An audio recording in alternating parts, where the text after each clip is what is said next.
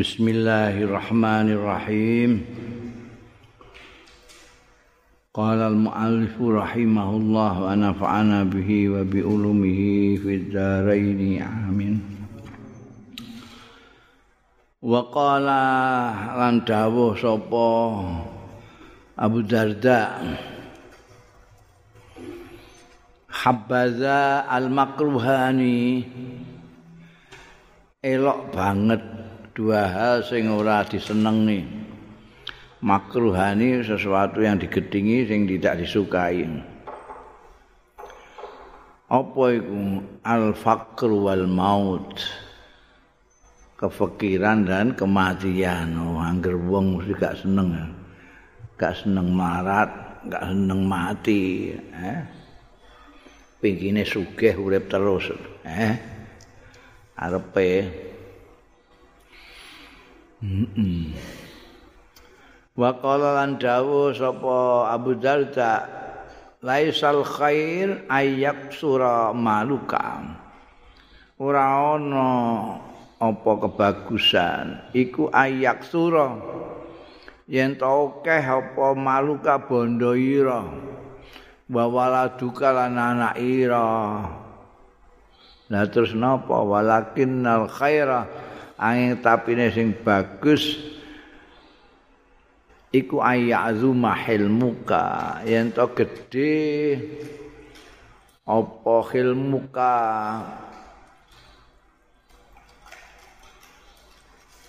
Aris. Aris iku aris iku bahasa bahasa Banten bahasa makna gandul makna Jawa ini apa? Eh? Eh? Ah? Acil. Hah? Ajal. Acil. Oh, acil ku bahasa Arab bahasa syah. Ya, acil iku niku gak gak Aris itu lapang dada. Nek khil itu haluma khilmun iku aris uh, apa mau? Apa mau aku mau? Eh? Kok sabar sih? Aku mau muni apa? Aku harus muni lapang dada Jadi lapang dada lapang dada sing arang dhewe aku. Wong aku sing kiai nek kowe. aku lagi nerangno hak lam mim iku ana sing diwaca haluma khilman itu maknane aris nek cara basa gandul iku basa Jawa Banten. Ah, bahasa Indonesia ini lapang dada. Lapang dada itu artinya gampang ngapura, bisa memaklumi orang, orang muring-muringan. Jadi uh, mesti ini nek ngono itu angger lumrah wong ya ngamuk, tapi ini gak. Itu karena dia punya khilm. Iku nek haluma yahlumu khilman. Nek halama yahlumu ora khil tapi khulman. Nek haluma yahlumu khilman iku lapang dada aris. Nek halama yahlumu khulman iku maknane ngipi mulane bocah sing wis ngipi itu disebut sudah khulm. Jadi unik bahasa Arab itu ya. Beda karo kate beda maknane. Balik ning ngene dawuh sahabat Abu Darda laisal khair ayak sura maluka wa waladuka walakinnal khaira ayak zuma khilmuka semakin besar itu artinya semakin ngapuranan semakin bisa memaklumi orang itu, itu. wayak sura nan oke apa ilmu ka ilmu ira wong ngelem-ngelem kebaikan itu karo banyak bondone tidak. Akeh anak edak biyen pada waktu zaman jahiliyah itu wah topnya anu itu bondo be anak. Orang kok banyak hartanya anaknya juga banyak terutama laki-laki. Wah itu terus tokoh masyarakat dhuwur dhewe Abdul Muttalib. Baik Kanjeng Rasul sallallahu alaihi wasallam. Itu pimpinan Quraisy di Mekah pada waktunya. Itu anaknya sepuluh wanang kuat gagah gagah mulai Sayyidina Abdullah ramane Kanjeng Nabi terus munggah-munggah Sayyidina Hamzah, Sayyidina Hamzah, Sayyidina Abbas tokoh-tokoh kabeh. Tapi menurut Abu Darda bukan itu yang namanya kebaikan. Yang baik itu nek kamu itu banyak ilmunya dan luas dadanya.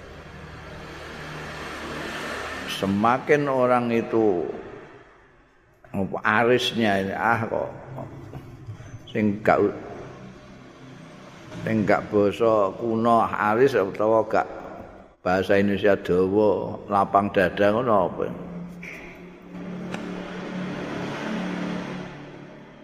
Pemaaf ya gak pas. Pemaaf itu musameh bahasa Arab ana dhewe. Sabar iku ana bahasa Arab dhewe sabar sabrun niku ajar iku ana bahasa Arab dhewe bahasa sah itu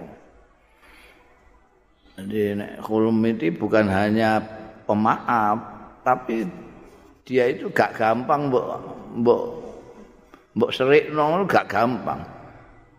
Gak mudah kamu bikin marah gak mudah. Karena dia itu tadi. Lapang dadanya. Lapang. Mbok ide-ide eh, diguyu kowe. Mbok buli guyang guyu tok. Itu khil. Dicaci maki barang itu. Enggak apa namanya enggak terpengaruh. Tetap jadi orang baik. Wah itu yang baik. Itunya besar ilmuka dan ilmunya banyak. Duit banyak tapi ilmunya gak duwe. Gampang entek. Wa antu barian nas, wa antu barian nas lan yen to berlomba sapa annasu manusa fi ibadatillahi ing dalem ngibadah ning Gusti Allah Azza wa Jalla. Lomba-lomba di dalam beribadah. Tak berlomba-lomba banyak-banyakan duit, banyak-banyakan harta, banyak-banyakan anak, tapi banyak ibadah. In ahsanta hamidallah. Namun kamu berbuat baik, muji sira Allah ing Gusti Allah. Wa in asakta lamun keliru sira berbuat buruk kamu istighfartallah mongko njaluk ngapura sira ing Allah. Jadi sederhana sekali kalau kamu pas iso nglakoni keapian kamu harus muji Alhamdulillah aku diparingi enteng sembayang duha misalnya. Alhamdulillah diparingi enteng nulungi dulur. Alhamdulillah. Makanya itu yang diucapkan setiap kali mau sembahyang itu samping istighfar alhamdulillah.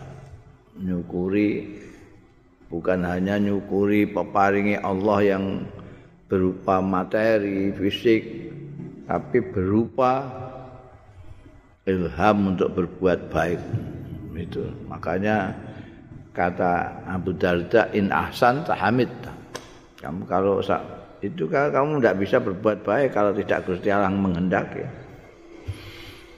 Karena itu kita perlu memuji Allah bersyukur kepada Allah Tapi kalau ngantek keliru karena namanya manusia itu kadang benar, kadang keliru, kadang eling, kadang lupa. Maka kalau keliru cepat-cepat istighfar nih Gusti Allah, astagfirullahaladzim. Bahkan kalau perlu di anu mungkin kita nggak sadar kalau itu keliru. Maka kita memperbanyak istighfar itu menjaga ini ono kealpaan kita. Alpa artinya kita tidak sadar kalau keliru. Alpa itu kita tidak sadar kalau keliru. Ada yang kita tahu kita keliru itu ada, itu sekaruan. Tapi ada yang kita sendiri merasa tidak keliru. Padahal keliru. Karena itu imbangannya anu ya istighfar sekakeh Setiap kali sembahyang orang Islam tidak pernah lupa baca astagfirullahalazim. Nek lupa ya keterlaluan astagfirullahalazim. Malah Kanjeng Nabi Muhammad sallallahu alaihi wasallam sing ora di dosa blas iku sehari istighfarnya tidak kurang dari 100 kali. Kita ini yang urip ning akhir zaman nyami ane dosa ora tahu istighfar itu keterlaluan. Yo mbok banding nang Kanjeng Nabi. Faslun Kala ahlu tarikh dawuh sapa ahlu tarikh kana ana sapa Abu Darda radhiyallahu anhu ana iku faqihan mualim malim memahami agama, memahami apa ajaran-ajarane Kanjeng Rasul sallallahu alaihi wasallam paham betul fakihan. Dan dingamalno karena itu beliau juga abidan. Biasanya orang itu di di kategorikan abid ini alim mulane ana dawuh turune wong alim lebih bagus daripada abid sing bodho. Bangsane ngono-ngono iku jadi ada abid sendiri ada fakih sendiri alim sendiri. Jadi kaya-kaya digambarno nek abid itu ngalim cek ora tapi ahli ibadah Setan itu akan ada itu kata-kata. Setan itu lebih takut dengan satu orang alim daripada seribu ahli ibadah abid yang tidak ngalim. Karena gampang gampang bodonane. Abid yang tidak ngalim gampang bodonane, gampang plesetane ya. Wong semangat beribadah itu nek ora ngerti ngilmune iso enggak karu-karuan. Sementara orang alim itu mungkin bisa tidak terlalu makan energi tapi jadi ibadah kabeh. Wong alim ku turune ya ibadah, melek ibadah. Sampai guyone ya ibadah karena tak ngerti di ngilmune. Mereka ada saat-saat eh, posisi-posisi di mana contoh kita pemimpin agung kita Nabi Muhammad Shallallahu Alaihi Wasallam itu bercanda juga pernah serius juga pernah bergaul dengan istri juga pernah menjadi panglima juga pernah menjadi pimpinan masyarakat pernah menjadi pedagang pernah. Semuanya itu jadi contoh apa? Wong alim yang mengetahui Kanjeng Nabi Muhammad sallallahu alaihi wasallam lebih menyeluruh tidak hanya satu sisi saja maka hidupnya itu bisa jadi ibadah kabeh soalnya. Makanya orang abid yang tidak mengilmu kalah kalah jauh. Boleh turu dia bisa niat dengan baik dengan benar turune. Jadi Kanjeng Nabi itu menyontohkan diamnya Kanjeng Nabi itu ada beberapa diam. Nah, wong biasa kadang-kadang menengi itu mau tunggal tok ngantuk. Dengar-dengar ngantuk. Wis mau iku tok. Gak ada diam lainnya.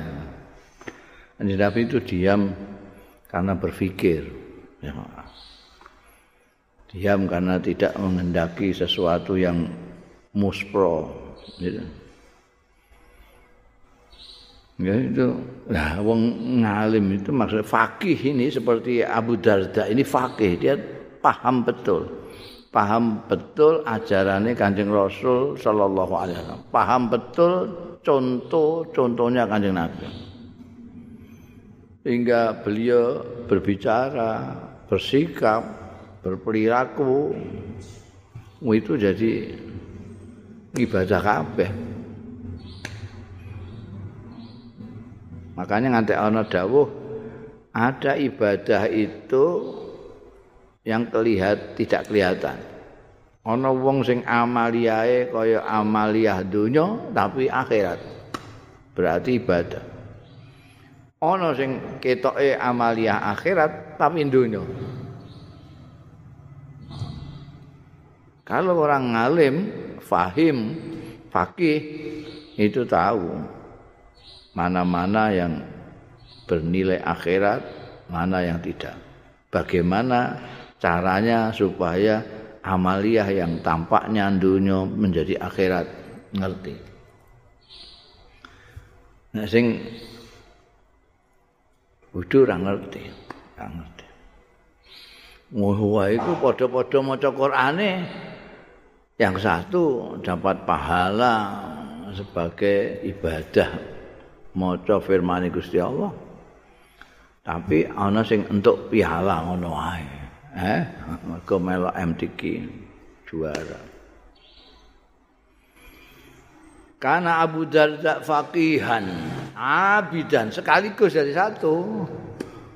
Bukan faqihan tok tanpa ibadah. Faqihan abidan qari'an Korea. Membaca Al-Quran yang baik juga Abu Darda. Ini kan ada sahabat sing apa, Abu Musa yang wacanane kayak Nabi Daud. Ini lebih lagi karena beliau disebut fakihan, abidan, qarian. Dan termasuk akadal arbaati salah satu empat tokoh allazina ausa muaz bin jabal kang wasiat sapa muaz bin jabal radhiyallahu anhu ashabahu. Ing sekabat-sekabate muaz bin jabal ayak khudu yang to ngalap ya ashabu al ilma ing ilmu anhum saking arba. Ada empat orang yang diwasiatkan oleh Mu'ad bin Jabal ketika mau wafat. Mu'ad bin Jabal main kan? Mu'ad bin Jabal mau wafat wasiat. Ada empat orang salah satunya adalah Abu Darda. Kalau soal ilmu kemeh ngaji ning di Kowe ngaji ning gone iki Abu Darda. Ana liyane Ibnu Mas'ud wingi wingi kae lah. Wingi kae wis tau iki.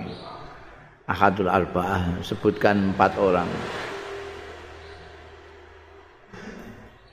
Kila di ngendikake kana ana sapa Abu Darda iku akna. Itu hidungnya mancung. Ashal netrane netra iku mripat netrane itu uh, hitamnya hitam campur kelabu, bukan hitam persis seperti kita, juga bukan coklat, tapi hitam keabu-abuan. Dia termasuk minal ansar. Wa kana lan ono ini menariknya lagi Abu Darda ini. Wa kana ono sapa Abu Darda ono iku tajiron, pedagang sukses. Qabla Ayyub asa sak durunge diutus sapa Nabi Kanjeng Nabi sallallahu alaihi wasallam menjadi rasul. Suma arada mengko keri-keri ngesake sapa Abu Ad-Darda al ibadah wa tijarah ibadah bersama dengan dagang ya dagang ya ngibadah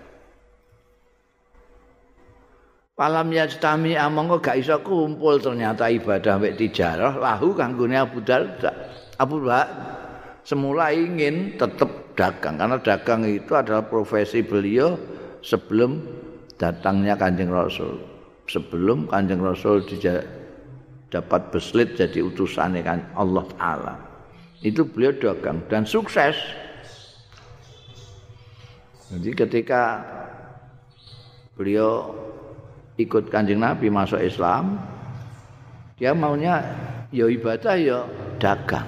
Ternyata dua hal ini untuk Abu Darda tidak bisa kumpul. Tidak bisa berkumpul. Eh, kanggo saiki biasa itu. Eh, pedagang, pengusaha, koruptor barang sambil ibadah iso. Bar korupsi terus sedekah kan ya. Tapi ini tidak bisa Abu Darda. Falam yastami'a lahu. Artinya untuk Abu Darda dua hal tidak bisa disatukan. Tidak dijadikan bersama-sama tidak bisa. Lalu apa yang diambil summa taraka atijarah Mongko kari-kari tinggal sapa Abu Darda atijarata ing dagangane wa asalar ibadah lan milih sapa Abu Darda mendahulukan al ibadah ta ing ibadah. Dia memilih ibadah karena tidak bisa kumpul. Nah, bisa kumpul dijadikan bersama-sama. Apa tidak bisa? dagang sambil ngibadah. Ya bisa untuk orang lain. Sahabat Abu Bakar bisa, sahabat Umar bin Khattab bisa. Tapi Abu Darda merasa tidak bisa, nggak bisa aku. Aku nggak bisa nek sambil dagang. Dagang kudu serius, ibadah kudu serius. Dadekno siji ora iso. Sudah tinggalkan aja dagang. Beliau lalu tidak dagang. Wa asal ibadah. Waqala lan dawuh iki ana pendawuh terus. Waqala lan dawuh sapa Abu Darda. La aku, aku ndak berpendapat sapa ingsun innallaha lam yukhillal bai'a. Aku tidak berpendapat, tidak mengatakan sesungguhnya Gusti Allah iku lam yuhilla. Orang ngalalno sapa Gusti Allah al bai'a ing dol tinuku. Tidak, saya tidak mengatakan, saya tidak berpendapat bahwa dol tinuku itu tidak dihalalkan oleh Allah tidak. Nah terus kenjenengan kok mboten purun nak niki. Walakin uhibbu angin tetapi ne kepengin demen sapa ingsun an akuna ing yen to ana sapa ingsun ana iku minal ladzina la tulhihimul la tulhihim tijaratun wala bai'un an zikrillah. Iku sing surat nur iku. Aku kelbu wong-wong sing la tulhihim tidak melalaikan. Bahasa batang orang nge apa dong ngelampai apa? Wingi ngomong kowe alompe itu heeh ora nalompekaken latul hihi ora nalompekaken ing alladzina apa tijaratun artinya tidak. Dia dagang tidak menjadi lalai. Wala baiun nan dol tinuku an zikrillah saking zikir Gusti Allah Jadi te maknani beda eh, nafsirno Abu Abu Darda ini dawuh latul hihim tijaratun wala baiun an zikrillah ini terus meninggalkan baiun wa tijar karena dia ingin termasuk allazina itu. Nek umumnya sing nafsiri kan tidak gitu. Meskipun dagang tapi tidak terpengaruh, tidak lalu lalai. Nah, ya ning pasar tapi tidak lalai. Untuk berzikir untuk ya. untuk sholat segala macam. Tapi beliau enggak. Orang-orang ini yang tidak tergiur dengan tijarah dan baik untuk berzikir kepada Allah. Nah kalau berzikir kepada Allah tidak tijarah tidak baik kan tidak ada yang melalaikan Tahun yang melawaikan. Loh, kamu talompe ya kamu? apa yang bikin kamu talompe ya? Tijarah. Lah aku gak tijarah, gak apa sih? Ngono, aku dilalaikan oleh dagang itu ya, aku gak dagang kok. Oh, dilalaikan oleh jual beli. Apa enggak tahu jual beli oh, dilalaikan. Itu melepaskan diri dari sesuatu yang bikin lalai sama sekali. Keinginan beliau. Bukan karena aku berpendapat bahwa daltinuku itu ora halal gak. Halal halal silakan kono sing iso ora terpengaruh dengan tidak dibikin talompe oleh Daltinoku silakan aku gak iso.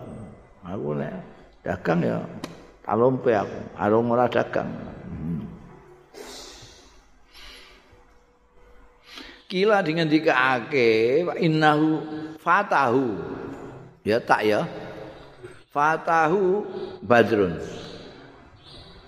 Ngepoti ing Abu Darda apa Badrun perang Badar. Artinya beliau ketinggalan, tidak ikut perang Badar. Beliau itu tidak ikut perang Badar. Karena itu fajtahada fil ibadah. Karena itu nuwamen ijtihad nuwamen kesungguhannya dalam ibadah luar biasa karena dia merasa bukan ahli ibadah. Fakola maka dawuh sapa Abu Darda, "Inna ashabi sabakun." Ini kanca-kancaku iku ndisi aku kabeh. Saya itu dibalap kanca-kancaku kabeh. Aku kudu mblayu. Nah, jadi apa? Tanafus berlomba tabari.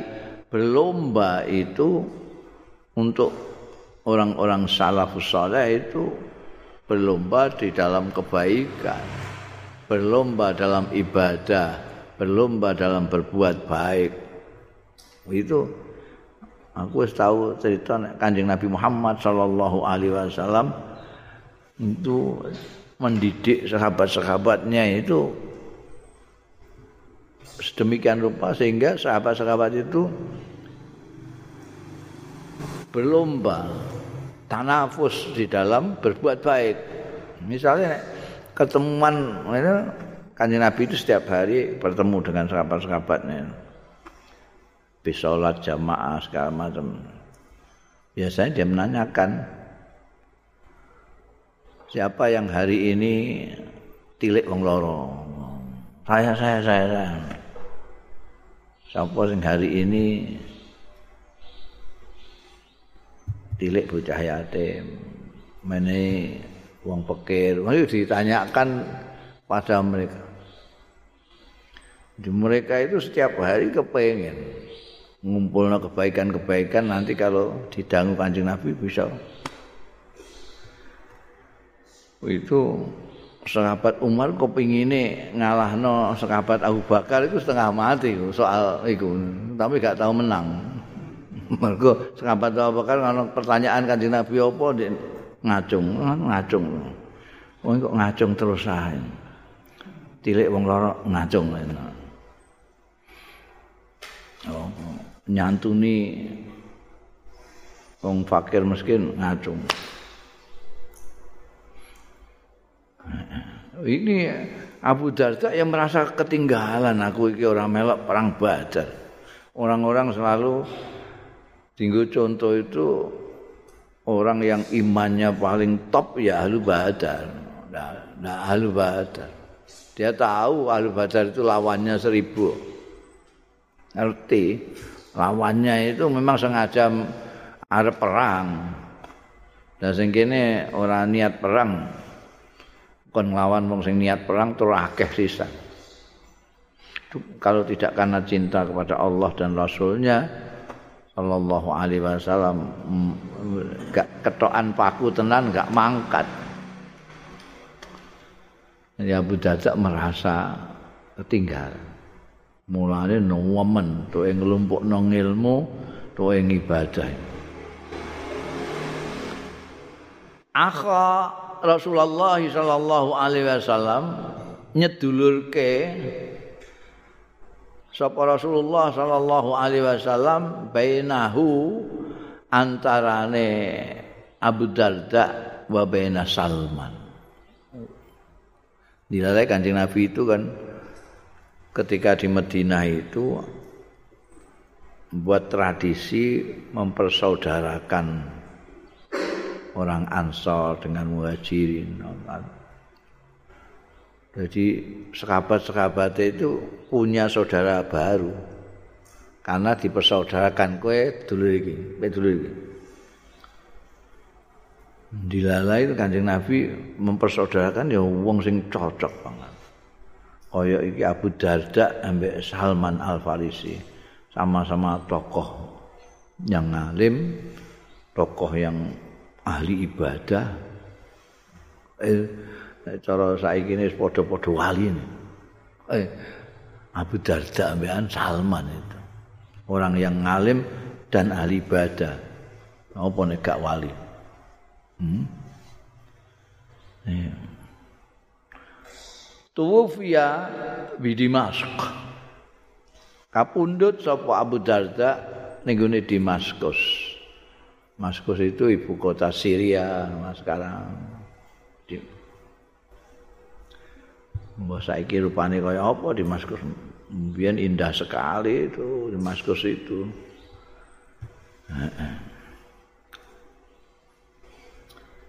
Tufia bin Mas qabla qati Utsman sadurunge terbunuhnya sahabat Utsman radhiyallahu anhu. Jadi dia lebih dulu wafat di Damaskus sebelum Sayyidina Utsman terbunuh.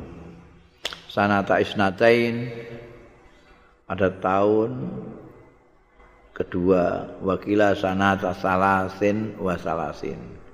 Jadi ada yang mengatakan tahun 32, ada yang mengatakan 33.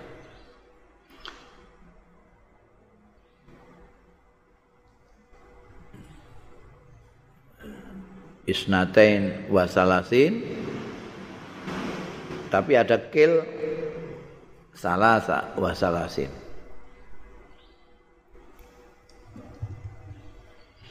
Kita bisa lihat saja dalam sejarah itu Sayyidina Utsman kapundute kapan.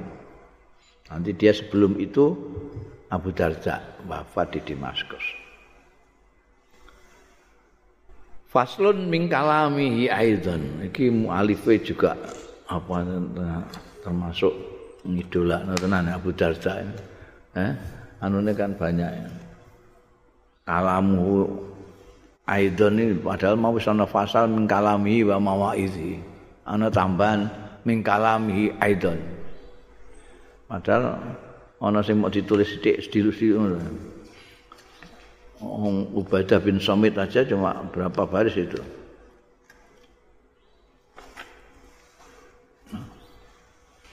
Ini Abu Darda. Ini, tak kira mu'alifnya pengagum betul Mbak Abu Darda. Karena memang hakimul ummah. Karena itu banyak dinukil dawuh-dawuhnya yang penuh kata-kata mutiara. ruya anid darda anid darda iya berarti putrane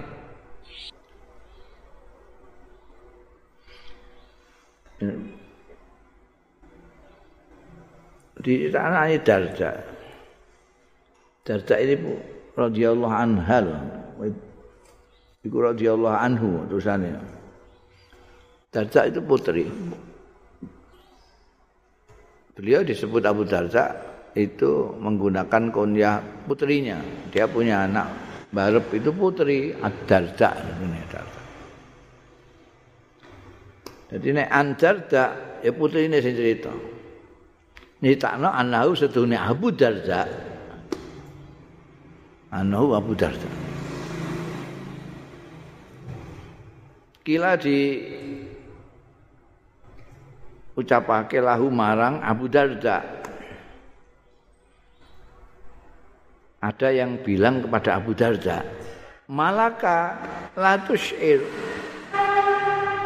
Kena apa malaka itu? Itu kena apa? Laka kedusil latus orang gawe syair. Kamu kenapa tidak bersair? Orang Arab kok nggak bersair gimana? Apalagi tokoh.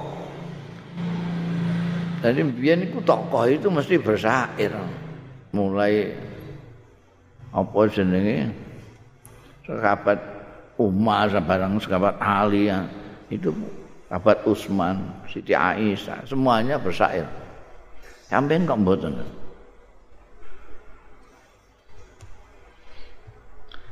Walai sarajulun ana ana apa rajulun wong lanang lahu kang iku duwe rajul baitun utahe omah minal ansor saking wong ansor illa waqat qala syi'r kejaba lan teman-teman ngucapake sapa rajul asyira ing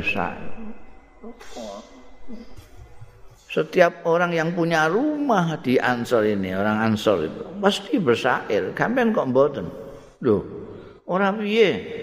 Kala dawuh sapa Abu Darda. Wah, ana kot kultu. Ngomong sama aku gak bisa bersair piye? Kuwe sing gak krungu. Eh? wa ana uta ingsun kat kultu yakti teman-teman ngucapake syair aku fasma'u rungokno yuridul mar'u ayyu munahu wa ya'ballahu illa ma arada. Yaqulul mar'u faidati wa mali wa taqwallahi afdalu mastafada. Oh.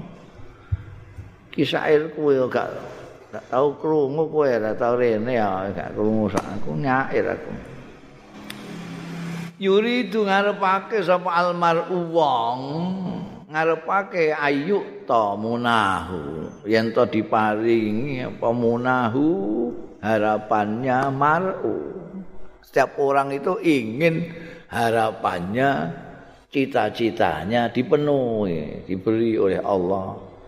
Tapi waya balan ora kersa sapa Allah Gusti Allah illa ma'arada kejaba barang kang ngersakake sapa Allah orang boleh saja minta ini minta itu mengharap ini mengharap itu bercita-cita begini bercita-cita begitu tapi harus ingat Allah itu maha semau gue ya.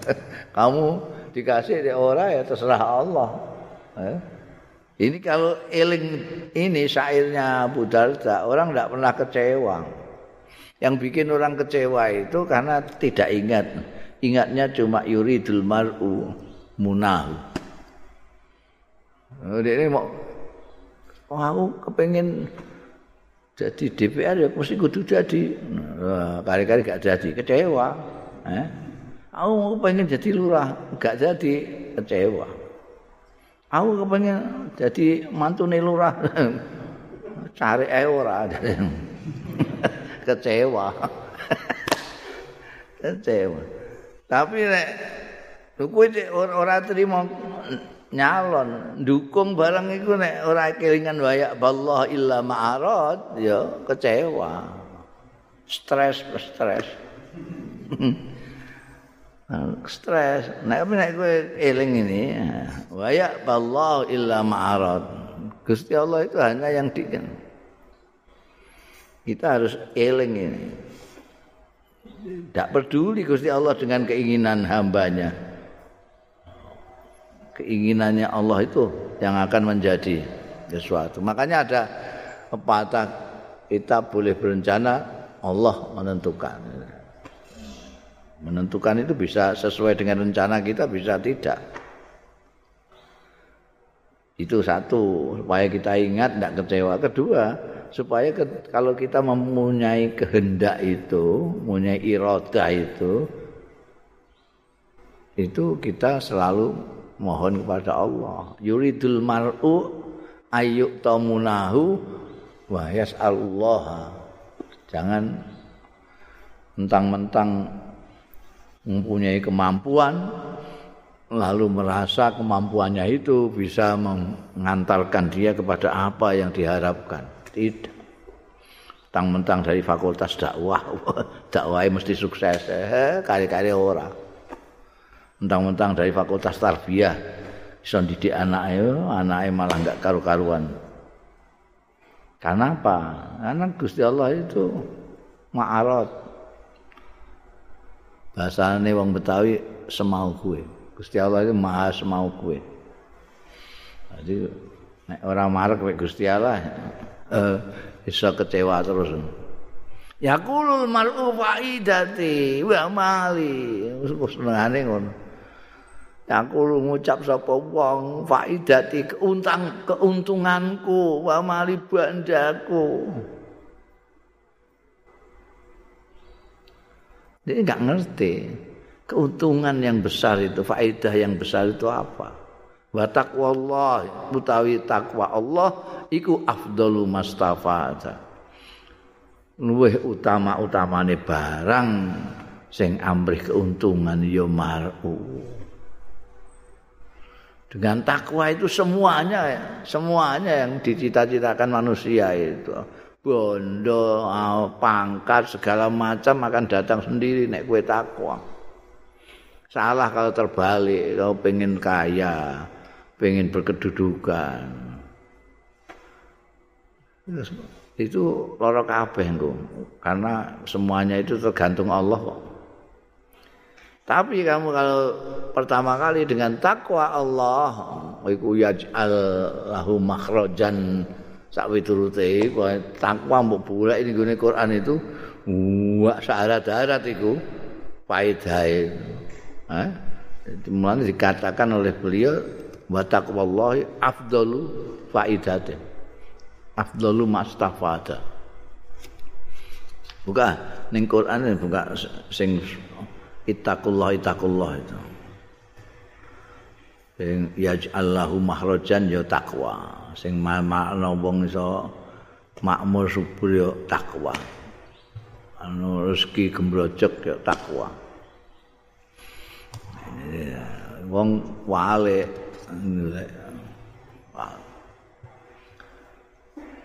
Dan ternyata penyair juga itu apa Abu Darda syairnya bagus sekali. Bukan hanya lafadznya tapi maknanya juga. Ruya angkaisin dan riwayatake saking Qais, kala ngendika Qais. Kana ono sapa Abu Darda, Abu Darda ida kata ila Salman tatkalane nulis maksudnya nulis surat. Sop Abu Darda ila Salman maring Salman Al Farisi radhiyallahu anhu siapa itu Salman? Tadi itu saudaranya yang disaudarakan oleh Kanjeng Rasul tadi itu. Jadi mereka itu kayak saudara tenan karena yang menyaudarakan Kanjeng Rasul. Mereka surat-suratan sak piturut saling ziarah-ziarahan. Mereka kenal keluarganya sana sini keluarganya sini juga kenal kayak saudara lah. Yang diceritakan oleh Qais ini Abu Darda itu kalau menulis ila Salman radhiyallahu anhu au kata Salman ila Abi Darda atau sebaliknya nulis sapa Salman Al Farisi ila Abi Darda maring Abu Darda kata ba ilahi nulis sapa Abu Darda utawa Salman ning Abu Darda. Kataba nulis sapa Abu Darda ilahi maring Salman utawa kataba Ibnu Salman apa Salman Al Farisi ilahi marang Abu Darda. Bi ayati suhfah. Kelawan ayat suhfah. Suhfah itu wadah untuk kita makan. Bisa dimaknani piring kalau kecil. Naik gede ya tembor. Sofa itu untuk tempat kita makan. Oh.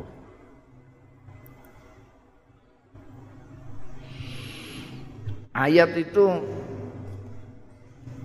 tanda bukti kekuasaan Allah taala kalau untuk kanjeng Nabi Muhammad Shallallahu Alaihi Wasallam dan para rasul itu disebut mukjizat ayat itu. Kalau selain Rasulullah Shallallahu Alaihi Wasallam, kayak sahabat wali-wali itu disebut karamah. Secara umum mukjizat dan sesuatu yang kharikul adah itu disebut ayat. Ayat. Seperti kita ketahui bahwa mukjizat yang paling besar dari Rasulullah Sallallahu Alaihi Wasallam adalah Al-Quran. Al-Quran disebut ayat yang paling besar dari Rasul. Jadi ayat itu bisa mukjizat, bisa karomah. Nah ini ayat sufah itu bagaimana? Wa kunna utai kita iku natahaddasu membicarakan kita annahu. Annahu satuhune kelakuan. Bainahuma nalikane keduanya Abu Darda ambek Salman Al Farisi yakulani. Dahar ya Salman ambek Abu Darda minas sufati saking iku mau piring. Fasabbahati suhfah ini ayatnya. Mongko maca tasbih apa subhatu wah nek kowe ora mlayu ya wa malan barang fiha kang ning dalam sufah makan berdua satu piring berdua. Piringnya ini sini subhanallah subhanallah. Aja tasbih megilan ya. itu yang disebut ayatus suhbah jadi setiap nulis surat masing-masing mengeling no kuwi kula aja lali kowe ngeling no awake dhewe bahwa Allah Ta'ala itu kekuasaannya luar biasa. Tidak dibatasi hanya bisa begini, bisa bahkan piring saya sini iso tasbih. Ya. Itu selalu ketika nulis surat disebutkan itu untuk saling mengingatkan kekuasaan Gusti Allah Ta'ala. Wa kana Abu Darda lan ana sapa Abu Darda iku yaqulu Dungo sapa Abu Darda Allahumma do Gusti Allah ini audzubika stune kula iku nyuwun pangreksan kula bika kelawan panjenengan Gusti antul inani kulubul ulama. Yen to nglaknati ing kula apa kulubul ulama ati-atine wong-wong ngalim. Ya Allah Gusti ampun ngantos kula menika dipun laknati manah-manahipun tiang alim. Kila ana sing nakokke sing nyuwun pirsa lho wa kaifatul inuka qulubuhum hale kados pun ditul inuka kok nglaknati panjenengan apa kulubum ati-atine ulama niku sepundi Kala tukrihuni. Oh, maksudnya Abu Darda itu kala dawuh sapa Abu Darda tukrihuni. Maksudku atine ulama iku ora seneng karo aku. Jadi semua orang ngalim menyukai Abu Darda. Karena beliau memang isti'adzah itu apa namanya minta perlindungan dari Allah. Jangan sampai dilaknati oleh hati-hatinya ulama. Eh, maksudnya tidak disukai oleh ulama. Rada medeni dis wong kok ora disenengi makanya kita itu kalau tidak kalaupun tidak dicintai aja ngantek. Digedingi ambek ulama. Eh ngantek. Oh, Abu Darda sing ngalime kaya ngono wedine ra karuan. Nek ngantek digedingi karo ulama. Kowe hmm. gak iso disenengi ulama minimal aja ngantek digedingi ulama. Ulama ning jero atine ngangkel karo kowe wah bahaya. Mm -mm. wa an Hasan bin Atiyah wallahu alam.